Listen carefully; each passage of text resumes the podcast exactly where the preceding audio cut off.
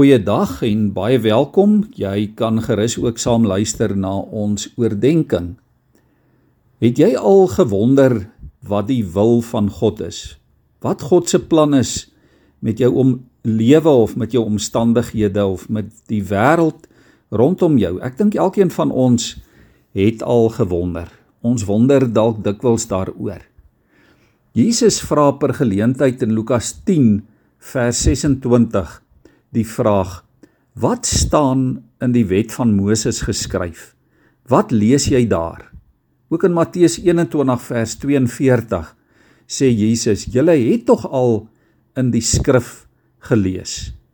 So telkens verwys Jesus sy volgelinge en die wat met vrae na hom toe kom, terug na die woord, terug na die skrif.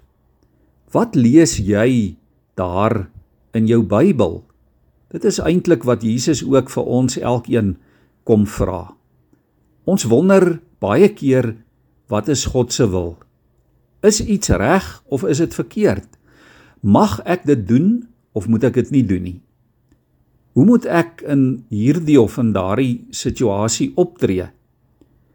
Jesus stuur die wetgeleerdes terug na die wet toe om antwoorde te gaan soek en hy stuur sy volgelinge terug na die skrif vir insig en om situasies te kan beoordeel.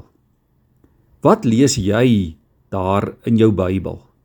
Dit is 'n vraag wat die Here telkens eintlik elke dag vir ons vra. Of dalk kan die Here vandag vir ons vra: Lees jy nog jou Bybel? Lees jy hoegenaamd nog die woord van God en glo jy dit wat jy lees? Laat jy toe dat dit wat jy in die Bybel lees jou lewe beïnvloed en jou lewe aanraak en dit verander. Maak ons staat op die inhoud van die Bybel om vir ons die koers in ons lewe aan te dui en vir ons die antwoorde te gee in ons omstandighede of volg ons dalk ons eie kop volg ons dalk ander mense se raad. Daar is in vandag se lewe, liewe vriende, so baie hulpmiddels. Daar is geestelike boek, boeke, daar is geestelike dagstukkies op Facebook. En jy kan vir enige geestelike vraag kan jy 'n soort van antwoord op Google kry. Maar al daardie inligting moet ook eers getoets word en geweeg word aan die woord van God. Ons moet dit weeg teenoor die Bybel. En daarom hierdie vraag: Wat lees jy daar in jou Bybel.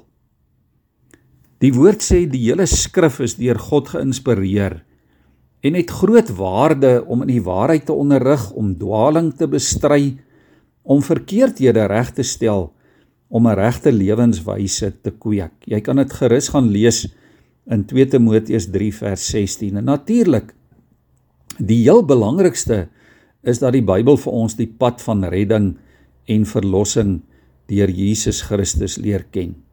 Die Bybel wil vir ons die pad na die ewige lewe aanwys.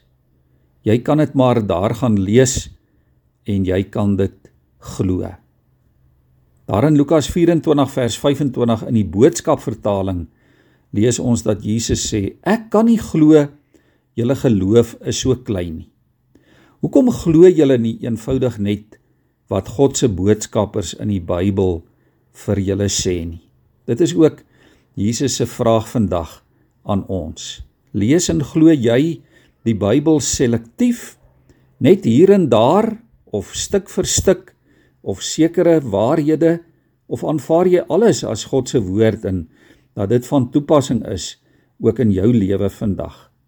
Kyk net hoe mooi sê Psalm 19 die volgende: Die woord dui die regte koers aan Dit bring blydskap. Dit gee insig. Dit staan altyd vas. Dis kosbaarder as goud en soeter as heuning. Psalm 19 vers 12 sê wie dit alles onderhou, groot is sy beloning. Kom ons buig ons hoofde so saam voor die Here. Here vanmôre en vandag kan ons maar net vir U dankie sê. Dankie Here vir U woord.